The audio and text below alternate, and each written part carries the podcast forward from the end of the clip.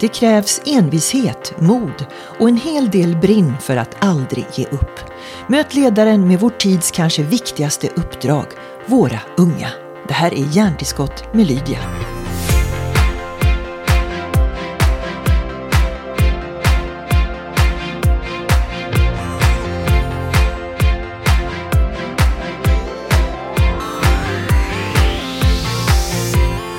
Ja, jo, riktningen är nog övervägande åt rätt håll. Vilket annorlunda svar. Hur ska jag tolka det? Nej men, all, livet är väl aldrig allt bra eller allt dåligt. Mm. Så man måste ju liksom då göra en instant summering över, eh, över alla de liksom, riktningar som, som energin går just nu.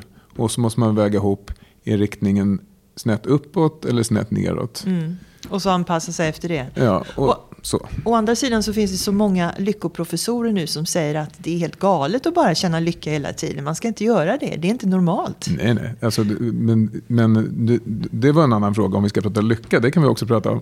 Men nu var frågan om det var bra. Eh, och då är väl bara att det ska vara bättre än dåligt. Då, är det bara bättre än dåligt så är det väl bra. Du får gärna fördjupa dig när vi kommer lite längre in i intervjun så jag kan tolka eh, vad läget är då. Men, men Johan Oljekvist, eh, välkommen till den här podden. Tack så mycket. Och det är roligt att jag välkomnar dig eftersom jag faktiskt sitter i Fryshusets lokaler. Närmare bestämt konferensrummet Skate och det är fullt med skateboardgrejer på väggarna. Så det känns ju helt rätt att sitta här.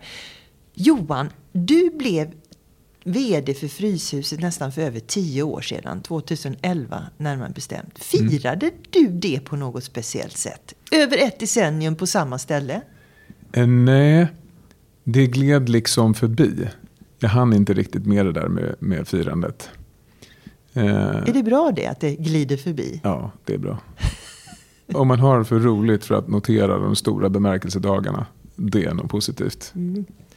Men om vi säger så här då, kommer du ihåg vad du tänkte när du fick frågan om att vara just VD för Fryshuset? Ja, jag kommer precis ihåg. Jag kommer ihåg vad jag sa, för jag fick ju en... en eh, först blev jag ju kontaktad med en uppmaning att jag borde visa intresse. Sådär som eh, headhunters gör så artigt. Och då så, jag tror jag sa att har ni verkligen ringt rätt person? Eh, Jag sa jag är helt ointresserad av, av idrott. Jag har aldrig jobbat med ungdomar. Eh, Jag har aldrig jobbat med musik. Eh, Jag kan ingenting om eh, och så vidare, allt som Fryshuset gör. Och då sa de att nej men det där, alla de där kompeten- kompetensen har Fryshuset redan. Vi behöver bara någon som kan leda med värdegrund. Mm. Och det var då du nappade? Precis. Varför är du kvar? För att jag drivs av att få vara en del i att förändra saker. Eh, och eh, här är man på något sätt i epicentrum av samhällsförändringen. Mm. Hela tiden. Ett, bara det att få jobba med unga, för då är man ju i framtiden. Eh, och två, vi jobbar ju så oerhört brett med holistiskt kring unga. Så det finns ju inte en enda samhällsfråga som inte är livsviktig. Mm. Så vi har ju kontakt med, och så jobbar vi ju med så många olika affärsmodeller på Fryshuset. Så det finns egentligen ingen som jag inte har anledning om att prata om hur vi ska samarbeta för att göra det lite bättre för unga. Fattar. Och sen är det väldigt nutidsrelevanta frågor. Det har, vi har ju lyckats, oss, lyckats hålla oss relevanta. Vilket gör att eh, vi är ju i framkant inom många olika områden. Mm. Vilket också gör att man får träffa väldigt mycket roliga människor. Det, det, och jag tycker man känner det bara man kommer hit. Det, det är någon, någon, eh, någonting i DNA som gör att man får lite gåshud faktiskt. Eller är det jag som träffar unga för sällan? Så många i, i grupp liksom. Nej men du, du, vi säger ofta det att vi behöver få hit folk för att få folk att förstå. För man känner värdegrunden när man kliver in här. Mm. Men det är, inte, det är inte bara unga, det är också den självklarhet som unga har i kroppen när man möter de här. För vi har ju lyckats år efter år med att göra det till en plats som de känner där de kan vara sig själva. Mm. Och det är det unga själv, själva säger. En vanlig vd på ett vanligt företag, vad man nu, hur man nu definierar vanligt, men, men då händer det ju jättemycket på tio år, både ute i samhället och, och i, i, företaget. Mm. Och det har ju hänt oerhört mycket på tio år. Hur har det påverkat Fryshuset? Har ni förändrats på något sätt själva? Ja, alltså verksamheten är ju dubbelt så stor nu som när jag började. Så vi har ju växt jättemycket. Eh, sen har, och det medför ju att man måste förändra sig själv. Eh, Bara så vi har koll, nu, nu pratar vi om en omsättning på över 300 miljoner. Ja, vi omsätter 400 miljoner. 400 miljoner. Ja. Över 800 anställda. Ja, det beror på man räknar timanställda. Men, eh, ja, 650 brukar vi säga, men 1000 per år om man räknar timanställda också. Ja. Mm, får någon typ av ersättning från Fryshuset. Liksom. Ja, just det. Ja. Mm. Mm. Ja, förlåt. Du så, sa. Precis, och, det växt, och då räknar vi bara verksamheten i Sverige. Sen har vi ju växt utanför Sverige också. Eh, så att, eh, men jag ska säga så här. Fryshuset, långt innan jag kom hit, har ju lyckats va, vara på frågor väl, långt innan resten av samhället har förstått att de är viktiga. Och dessutom och utvecklat kunskap och metoder. Så sen när mycket av det som Fryshuset har jobbat med redan i 15-20 år, när det plötsligt kommer till allmänhetens kännande om att det här är viktiga frågor. Då har vi stått, där, stått redo med en enorm kunskap. Så jag har ju haft det enkla. Det är de som varit före mig på Fryshuset som gjorde det riktigt svåra jobbet. Så plötsligt när, när, när, när det blir eh, extremism på tapeten och när unga skjuter varandra och när skolorna kanske inte levererar som är tänkt. Då har vi metoder som behövs. Eh, det är det vi har sett effekten av. Eh, så att, det, det, har skett de här tio åren. Men sen också från att ha varit liten och kaxig, vilket kan vara rätt acceptabelt, till att vara en av Sveriges största ideella organisationer. Och då är det inte så gulligt längre om man är kaxig, lika, lika gulligt. Så vi har ju varit tvungna att ändra eh, vår attityd och vårt sätt att jobba. Vi har varit tvungna att, vi har en lägre acceptans för att göra misstag. Och vi är en organisation som tar risk och alltså gör misstag. Eh, så det blir större konsekvenser när vi gör misstag. Men vi kommer ju fortsätta göra misstag. Mm. Det, är en av våra roller att våga göra saker som är behäftade med sån risk att det också går fel ibland. Mm. Och det kräver mycket kommunikation. Eh, men sen också det, bara det att eh, vi har växt utanför Sverige. Att vi får så mycket, och det är inte så att vi, det var liksom inget proaktivt beslut. Utan vi konstaterade ett år att, att vi hade haft jag tror det var 700 besökare från andra länder och vi hade inte bjudit in en enda. Och det var allt ifrån regeringar till eh, socialarbetare till eh, folk inom eh, extremismarbete. Och de sa till oss, ja, men vi frågade varför kom ni hit? Då sa de, det här är ju världens största mötesplats för unga. Eh, jaha, det vet vi inte om det, säger vi. Men det, det, det, är inte det som är grejen. Utan grejen är att det holistiska och breda sätt vi jobbar på med unga. Eh, och att vi jobbar med alla unga. Och med alla verktyg vi bara kan, men inom en värdegrund. Det är det som är det unika. Mm. Och det är det som ger stor effekt. Hur mäter ni effekten? På massa olika sätt. Eh, för vi har ju så olika verksamheter. Men vi har en, vi har en grundläggande effektmätningsmetod. Och, som vi använder.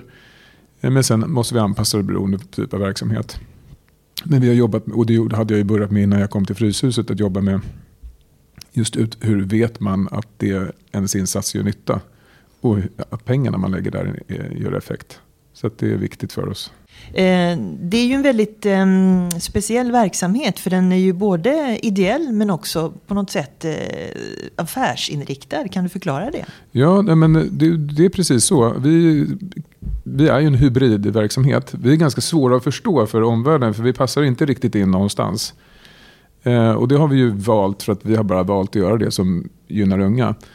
Så att eh, vi både säljer tjänster eh, till näringslivet. Till, och det är både kunskap och att vi kan eh, skapa workshops. Och, men också gå in och göra en, eh, ett mångfaldsarbete. Eh, och till kommuner eh, och till staten. Eh, och sen så söker vi bidrag från EU, från staten och regionen och kommunen och stadsdelen. Eh, vi tar också upphandlingar från kommuner och, och sen så tar vi emot gåvor från företag och ibland samma företag som skänker pengar till oss eller som köper tjänster av oss. Eh, så att det är ganska, vi har ju flera hundra olika intäktsströmmar och logiker. Eh, och det är ju verkligen hybrid. Så i vissa verksamheter är vi ju, skulle jag säga, vi har en vinstdrivande tanke. Men överskottet går tillbaka till verksamheter som inte någonsin kommer klara av att försörja sig för det är ingen som vill betala för den. Mm. För det är en målgrupp som kanske ingen är intresserad av. Mm. Eh, så det är en potpurri av olika logiker eh, som möts. Och det är därför återigen blir så viktigt med värdegrunden. För om inte den håller ihop oss, då skulle vi ju glida isär. Mm. När man eh, googlar då på er och försöker hitta något konkret, det finns ju massa spännande och fantastiska exempel.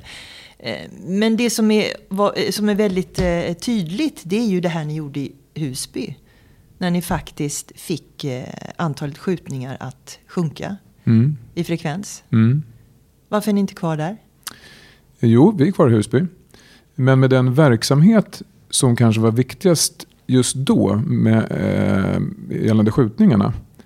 Det var som det händer ibland. Det är att få ner skjutningar i ett område, det är svårt.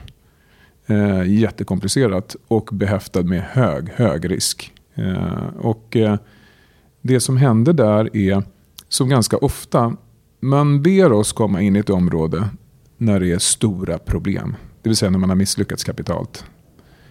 Eh, och det vi minst vill göra det är att jobba med att stoppa skjutningar. Eh, då säger vi, ja ni borde ha uppmuntrat föreningslivet och ni borde ha sett till att det fanns, fanns, man kunde göra bostadskarriär i det här området för 20 år sedan. Eh, det visste ni. Ni gjorde ingenting. Nu skjuter folk varandra och ni vill att få andra tar hand om konsekvenserna. Men då säger vi att okay, vi, vi har metoder för det också. Vi kan gå in och jobba här. Eh, det är många som inte kommer gilla det. Så när vi gick in i Husby, då hade vi möte med alla polischefer som verkade i området, med stadsdelsledningen och så sa vi, vi kan gå in här. Ni kommer ha personal som inte gillar det. Vi kommer anställa folk som ni inte kommer gilla. Eh, men det kommer funka. Och då var det en handskakning och man var desperat. Eh, och så började vi jobba. Och det gick bra. Och det gick lite fel. Men det sköts inga, sköts inga personer under den perioden i Husby som vi hade, jobbade med den metoden. Men sen när det då går bra. Varför ska vi lägga de här pengarna? Det skjuts ju inte i det här området. Det är ganska vanligt. Eller det är ju lugnt här. Varför ska vi lägga de här pengarna på Fryshuset? Det kostar jättemycket. Och dessutom så får vi klagomål från personalen för att de hänger med kriminella. Eller från andra sådär. Eh, och, och då så tänker man att nej, men nu ska vi prioritera, prioritera annat. Och då gör man det. Mm i det fallet i Husby på det mötet när man bestämde att avveckla den verksamheten. Eller man ville sluta finansiera den verksamheten. Eh, då var vi ganska tydliga och sa att om vi stänger det här nu inom ganska kort kommer människor skjutas ihjäl. Eh, vi var väldigt tydliga till den stadsdelsledningen. Det, det var inte nuvarande ledning. Och då, då, jag tror inte folk tror på det när vi säger så. Men sen dess har det ju skjutits ihjäl en hel del folk. Mm. Även i Husby. Det är tragiskt. Det är oerhört tragiskt naturligtvis. Eh, och det är också kanske viktigt att påpeka att negativ media är ju ni väldigt känsliga för. Mm. Eftersom ni är så beroende av den här givarviljan. Ja. Så att, att hantera det då? Ja, vi har hanterat det så här. Vi har valt, och det är ett dyrt val, eh, att inte gå ut och be allmänheten berätta om pengar.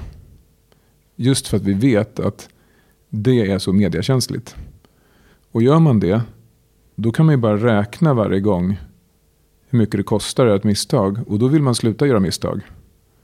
Och då minskar man riskbeteende, det vill säga man jobbar med lättare målgrupper.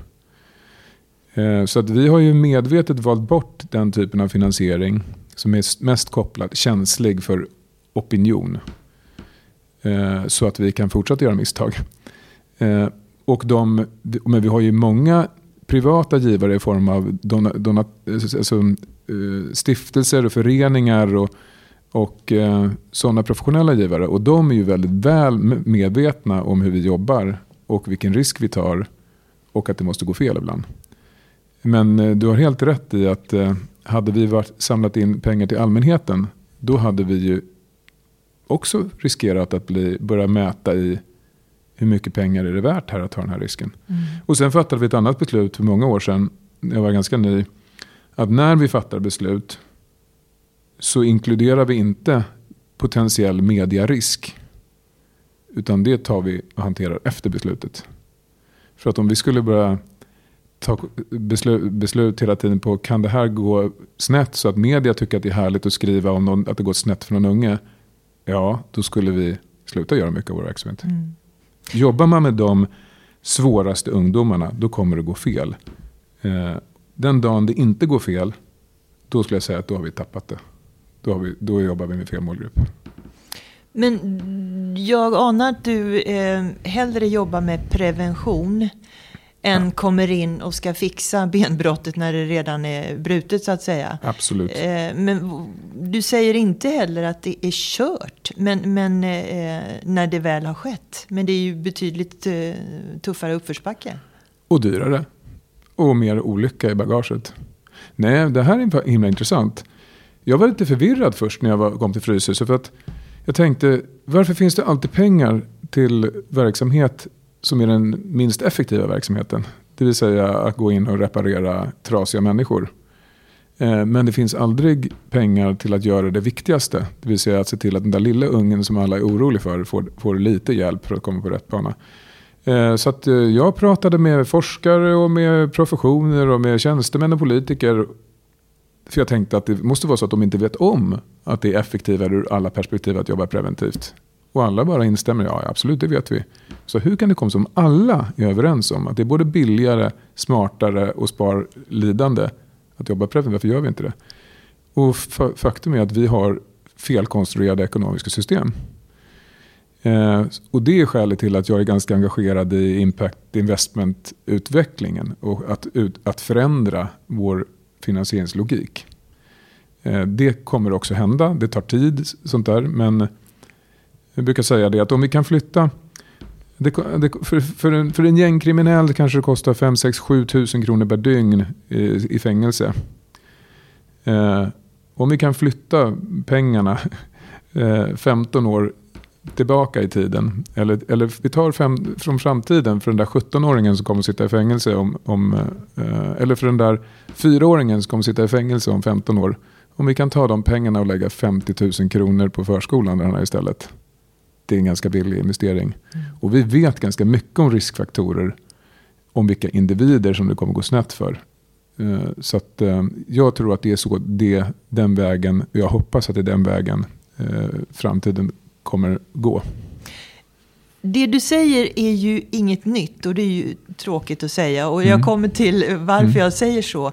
För det här har ju diskuterats på många eh, politiska möten och eh, i, i samband med val och så vidare. Mm. Var i ligger naiviteten att det aldrig kommer längre än prat? Jag tror att det är ganska enkelt. Vilken politiker tjänar, eh, tjänar för sin utveckling och sin, tjänar röster på att göra någonting som ger effekt om 15 år?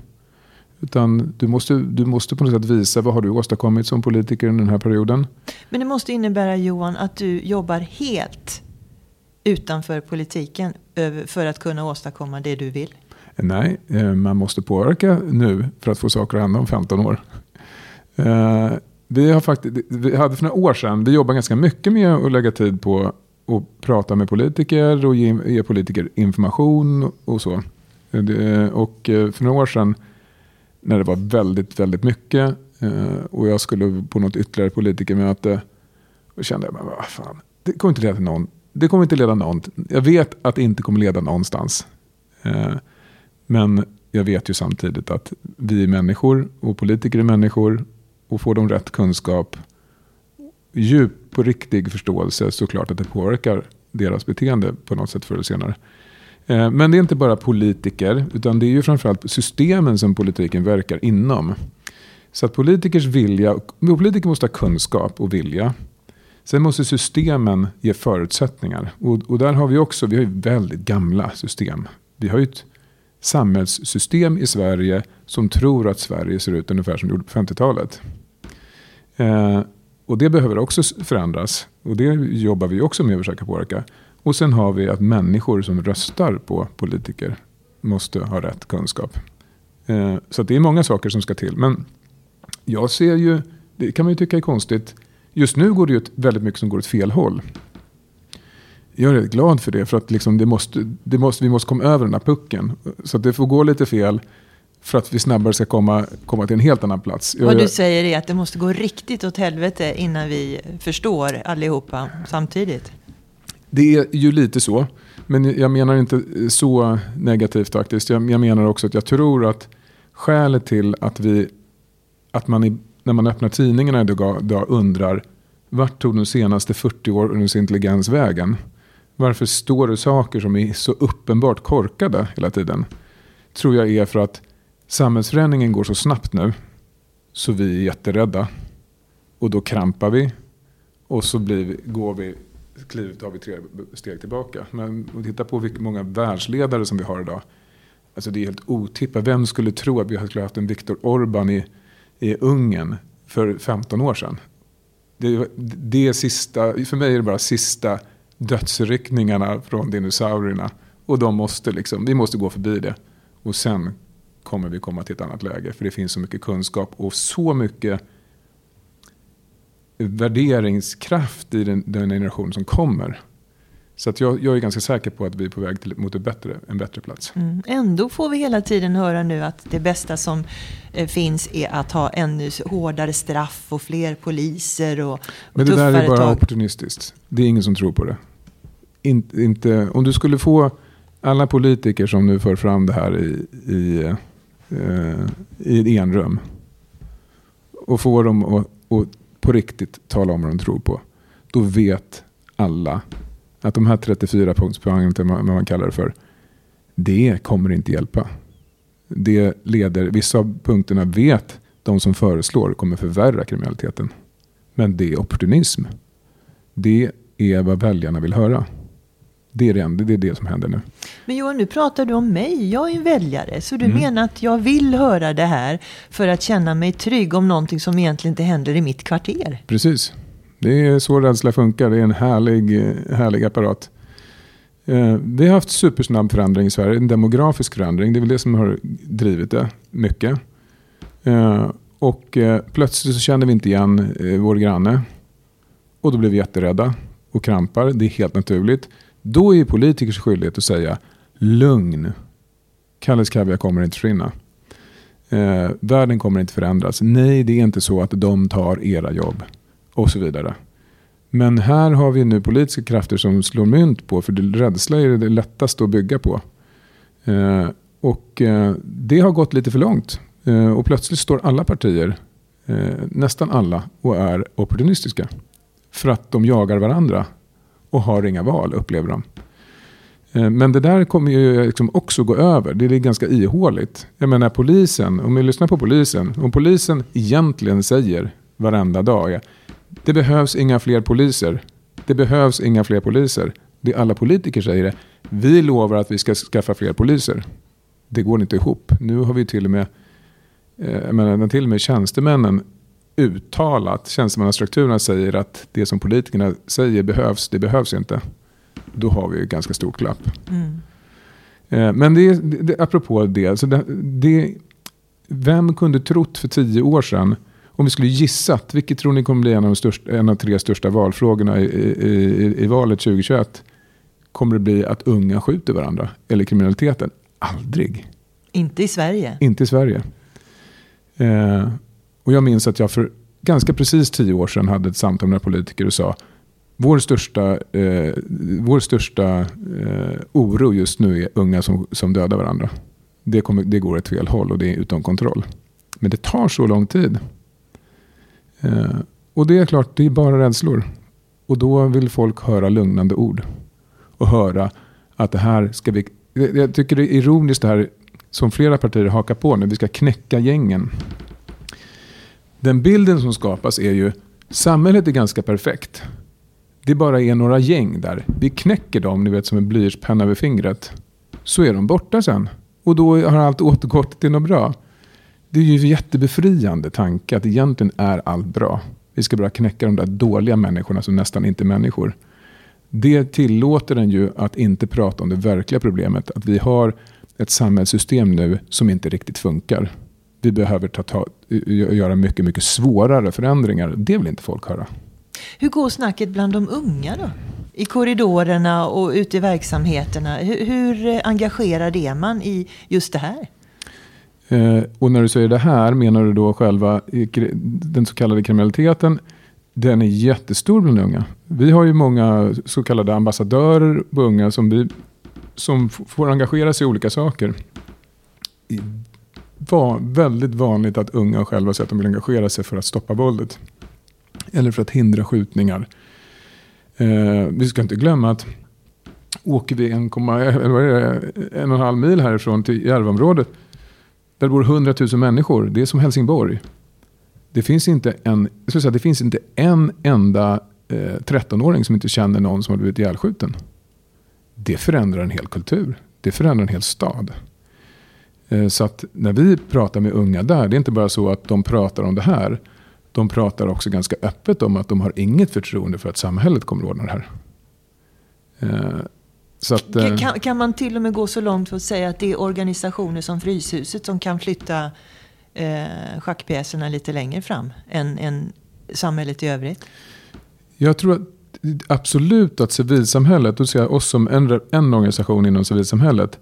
Jag är övertygad om att det är på samma sätt som vi var en stor skapare av den, den demokratiska modell vi har nu. Så tror jag vi behöver vara med för att se till att Eh, skapa en förändring i framtiden.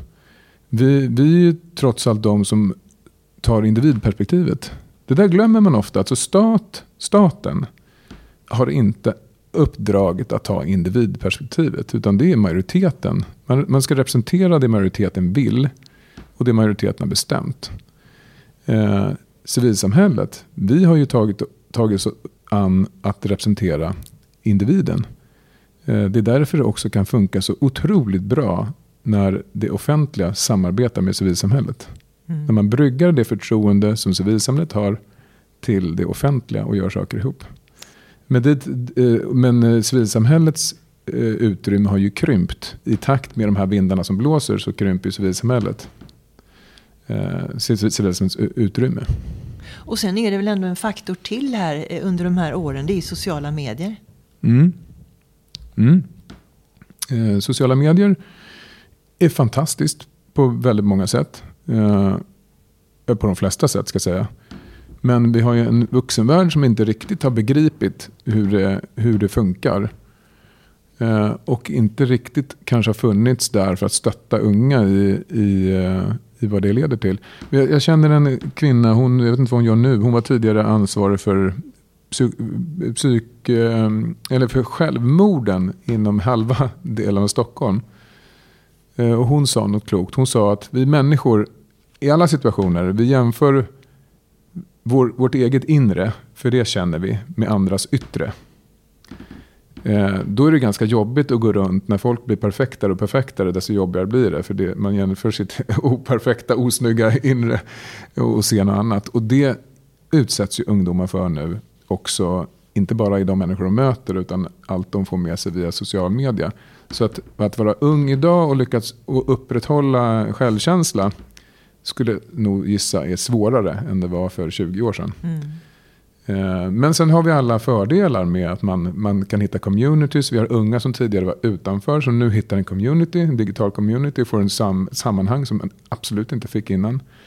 Så det mesta är ju bra med sociala medier. Men vi vuxenvärlden behöver ju då förstå så vi kan stötta unga i den världen. Mm. Att eh, var tillsammans med unga så mycket som du ändå har gjort genom ditt yrkesliv och i synnerhet då på Fryshuset. Mm. Blir man en kanonpappa av det? Nej, tyvärr finns det nog inga... Man blir, Men någon nytta måste du väl ändå ha? Man blir en pappa som blir väldigt medveten om sina tillkortakommanden. ja, men fördelen är, är, väl att eh, nu är det så att båda mina söner har ju gått i Fryshusets skolor. Eh, eh, och jag har inte tvingat dem till det. Eh, men fördelar? ja, jag vet inte. det kanske är sönerna jag ska fråga. jag tror det. Eh, ja, jag tror Nej, men om man jämför ändå med vuxna som kanske eh, verkligen är ganska okunniga kring ungdomar och ungdomskultur och den första eh kontakten de får, det är när de själva får barn till exempel. Ja. Och så jämför de naturligtvis hur de var när de själva var unga och det var ju lite väl länge sedan kanske. Ja, jo men det är klart det är det. Det är ju en superlyx eh, att få om inte annat veta hur, hur, hur världen ens barn växer upp i ser ut och vilka perspektiv. Jag ju, har ju samma relation till mina tonårspar som de flesta, det vill säga att de vill inte prata med mig. Eh, så det är fantastiskt att få prata med andra unga i samma ålder, för det är så jag vet att mina egna söner låter när de pratar med andra. Vi har faktiskt ett, ett föräldramötessystem i vår grundskola här ovanför oss. Eh, som bygger på att på föräldramötena så, så jobbar man i grupp. Och då parar man inte ihop föräldrar med sitt eget barn, utan man får prata med andras barn. Och då är de ju superbegåvade och talkative och kommunicerbara som unga är.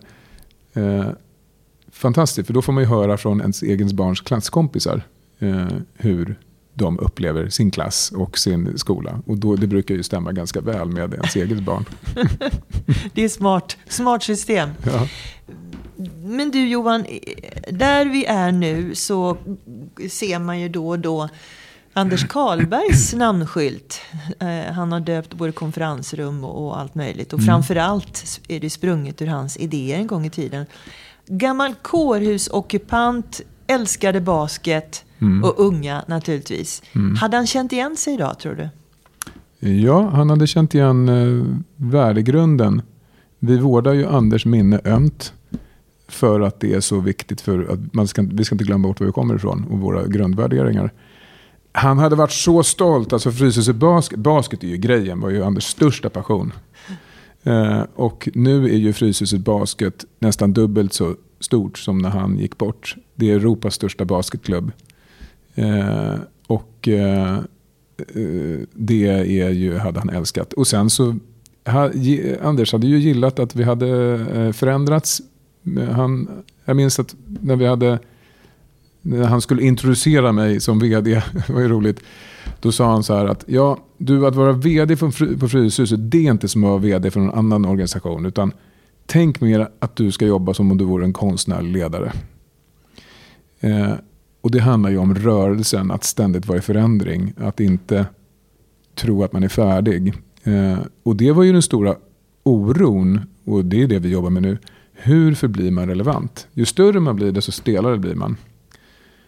Relevant för vem då? För unga. Mm. Det är vår enda, vår huvudskill. Det är ju att unga vill vara eh, med oss. Att vi får förmånen att vara en del av deras liv.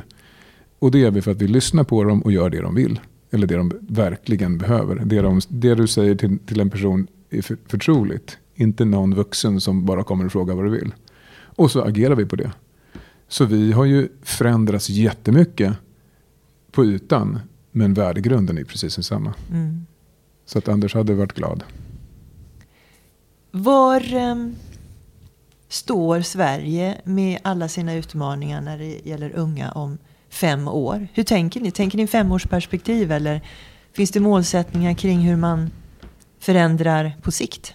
Ja, vi jobbar i olika perspektiv. Vi försöker att inte tänka för långsiktigt. För då slutar man glömma bort att det är här och nu, när vi har den här unga framför mig, det är nu förändringen sker. Eh, men ta till exempel, ja, men ta det vi pratade om tidigare, fenomenet att i Sverige är det fler unga som skjuter varandra än någon annanstans i Europa. Det kommer ta tio år att förändra. Eh, och det beror inte på unga, därför att unga kan förändras blixtsnabbt. Men våra system är så himla tröga.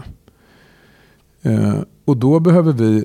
Säger du att unga kan förändras blixtsnabbt även om det är riktigt, riktigt tuff situation de är i? Vad är ja. blixtsnabbt? Eh, nej men vi möter ju, och det är det som ger oss sånt hopp. Vi jobbar ju med de unga, många unga som alla andra dömt ut. Eh, och många unga vuxna som folk säger, det där, den där personen är körd. Den är, det är ingen idé. Eh, och eh, jag har ju sett människor som som, som, ing, som eh, personer inte har känt igen fysiskt. Man tänker inte på det, men en människa som är fruktansvärt aggressiv. Krampa liksom. och har du varit aggressiv i 15 år, då, då ser du ut på ett sätt och det vänjer sig folk vid. När du slappnar av, då ser du helt annorlunda ut. Så jag har ju sett människor förändras på några månader. Att andra som känner inte igen personen längre. För att den har en helt annat ansiktsuttryck. Nej, men jag har sett också unga, men vi har ju varit med om, inte alls särskilt ovanligt ska jag säga. Men det menar jag inte att, jag, att det händer 50 gånger om dagen. Eh, men människor som har bestämt sig, vi hade en person som bestämt sig för att åka och kriga för en så kallad terrororganisation. Eh, och där, blev, där vi förstod det, vi behöver stoppa det här. Och där, där själva orden som stoppade, men det är inte det det handlar om. Men du, vi behöver det på fotbollsmatchen på lördag. Om du åker nu, då, hur fasen ska det gå på fotbollsmatchen? Det var inte fotbollsmatchen, utan det var en person som betydde någonting för den här personen. Som, som skickade en signal om att du, du behövs här. Det är stort du, alltså. Du är önskad här. Mm. Men det funkar bara om det är rätt person som sänder det, vid rätt tillfälle. Eh, vi, har, har flera sådana exempel. Personer som väljer bort ett aktivt kriminellt liv på ett möte. Eh, alltså personer som, polisen skulle säga att det här är en person som vi har jobbat med i år. Och rätt erbjudande från rätt person och så fattar personen beslutet på en sekund. Jag får gåshud när jag hör de här historierna. Mm. Rätt person jag tror, min övertygelse, jag tror inte att det finns onda människor. Det där är en konstruktion vi människor skapar för att kunna sortera varandra. Jag tror att vi är goda, alla. Vi vill väl. Vi vill andra väl. Om vi får en trovärdig möjlighet att bidra till att världen blir bättre och att det blir bättre för mina människor, då väljer alla den. Problemet är att de som vi betraktar och dömer som destruktiva och kriminella och nazister. De har bara inte fått erbjudandet från en trovärdig person. Och det är det misstaget vi gör. Då tror vi, vi skickar bara dit en ny person som inte kan relatera och hotar den här personen och säger vi kommer skicka dig i fängelse eller du kommer få sluta skolan. Eller, det spelar ingen roll. Om du kommer från en person som verkligen, som du tror kan förstå dig, som du tror också är ärlig, då i min övertygelse att då kommer alla människor som inte är riktigt sjuka att välja att säga ja. Och det är det vi ser i våra avhopparverksamheter. Vi är kö på våra...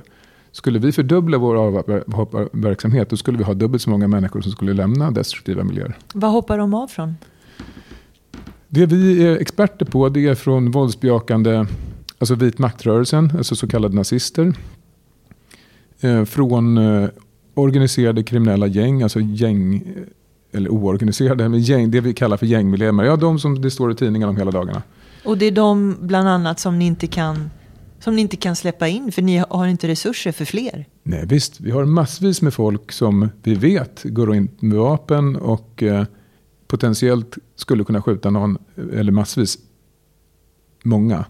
Vad är många? Som vill lämna. Vad är många? Vi går ju inte ut och frågar alla gånger för då kommer vi få för många som vill. Eh, skulle vi gå ut nu till i alla kriminella nätverk och säga nu finns det obegränsat med platser Eh, för dig som vill ha, ha en väg ut. Då skulle jag gissa att det skulle vara flera hundra som skulle ta det nu, idag. Och skulle vi bearbeta, då skulle det vara långt fler än så. Eh, men det finns inte ekonomi. Eh, det är helt enkelt. Det finns inte någon som vill betala för att vi ska lägga den tiden det här är helt fel, inte någon. Jag säger, det här, vi driver den största verksamheten i Sverige kring det här. Vi har kontakt med 130 personer. Vi har kanske 20 heldygns-klienter som har skyddat boende och som vi tar hand om hela deras liv. Så det växer ju, men det skulle kunna vara mångdubbelt fler om det fanns eh, finansiering från det offentliga. Det är rätt ironiskt. Det här är en av de största problemen. Jag blir helt mållös måste ja, jag säga. Det är en av de största problemen. Och det här ska jag också säga. Det här vet också politikerna som pratar om. Vi känner ju, de har ju sett till att de flesta som pratar om det här vet om. Här finns en lösning. Vi har en extremt hög framgångsfaktor. Alltså kommer man till oss så är det ganska väldigt, väldigt, väldigt stor sannolikhet att man aldrig mer blir kriminell. För det kan ni också mäta? Ja, Eh, och vi gjorde, nu har vi haft en, Linnéuniversitetet som har också forskat på våra metoder för att för att visa att de funkar. Eh, men det, det är svårt det där. Man ska inte liksom säga att alla politiker är dumma. Det är svårt att kommunicera. Varför ska kriminella vippas? Varför ska en kriminell få ett boende när tant Agda här, fattigpensionär som har jobbat hela livet, inte har det? Ja, det kanske, de har rätt. De kanske har rätt. Nu försöker jag vara kärringen ja, mot strömmen här. Ja, eh, de har rätt om man inte bryr sig om lidande. Eh, om man inte bryr sig om eh, ekonomi. Om man inte bryr sig om... Nej, de har faktiskt fel. Det är bara att de inte har argumenten. Och det är vi, vår skyldighet att se till att de får argumenten. För du sparar lidande. En person som är gängkriminell kostar ju samhället så fruktansvärt mycket pengar. Och då pratar vi inte ens lidande. Pratar vi bara reella kostnader i form av det är lidande, men i form av skada och elände som sker för att en person är kriminell. Mm. Du sa för en stund sedan, det här tar tio år att vända om man nu vill lösa den här problematiken med mm. gängkriminalitet. Mm. Eh, men när man lyssnar på dig nu så känns det ju relativt hopplöst. För vad kan bli annorlunda nu eh, i beslutsfattande och insikt som man inte har gjort tidigare? Ja, alltså det finns ju... Alltså ge, oss, ge tro, oss hopp nu. Ja, man kan ju tro att det här är så komplext. Nej, men det är ju inte det. Men Nej. varför går det inte in då? För att det har nog inte varit tillräckligt, tillräckligt högt på agendan. Nu är det högst på agendan. Det är rätt genant för den politiker som om fyra år i nästa val eh, ska sitta och förklara att det inte har blivit bättre det finns väldigt mycket motivation nu att, göra, att förä skapa förändring. Men jag, jag är hoppfull just av det skälet. Men jag är också medveten om att det är vi många som kommer få jobba väldigt hårt för att hålla fokus. För det här situationen vi har nu, det har många vetat om att vi skulle hamna i och inte gjort någonting. Men man har väl hoppats att det ska gå över. Eh, men jag ska säga det att det är lätt att prata om det här med skjutningar och så. den viktigaste saken vi kan göra. I Sverige går ungefär 14 procent av niondeklassarna ut nian utan godkända, utan gymnasiebehörighet. Och i de områden där många av de här barnen som sen slutar med att de skjuter varandra. Där är siffrorna väsentligt högre. Det vill säga, vi, vi som samhälle tillåter att 15-åringar går ut eh, i en situation utan gymnasiebehörighet i ett land där vi vet att man får inga jobb om man inte har gått gymnasiet. Det är som att be om att bygga upp en kriminell struktur. Kan man jämföra Sveriges situation med något annat land i Europa? Alltså hur förhåller vi oss? Går det att jämföra? Eh, hur många sitter lika mycket i skiten som vi om man ska vara krass? Nej, ingen. Eh, det finns, om, nu, den här siffran var från förra året så det kan, det kan vara fel men det är ändå en intressant bild. Det finns en plats i Europa där det skjuts ihjäl fler människor per capita än i Sverige. Gissa vilken plats det är. Det är svårt att gissa. Sicilien. Eh, och det är en liten ö utanför Italien. Ja. Och de har en ganska lång historia av ganska grov kriminalitet. Mm.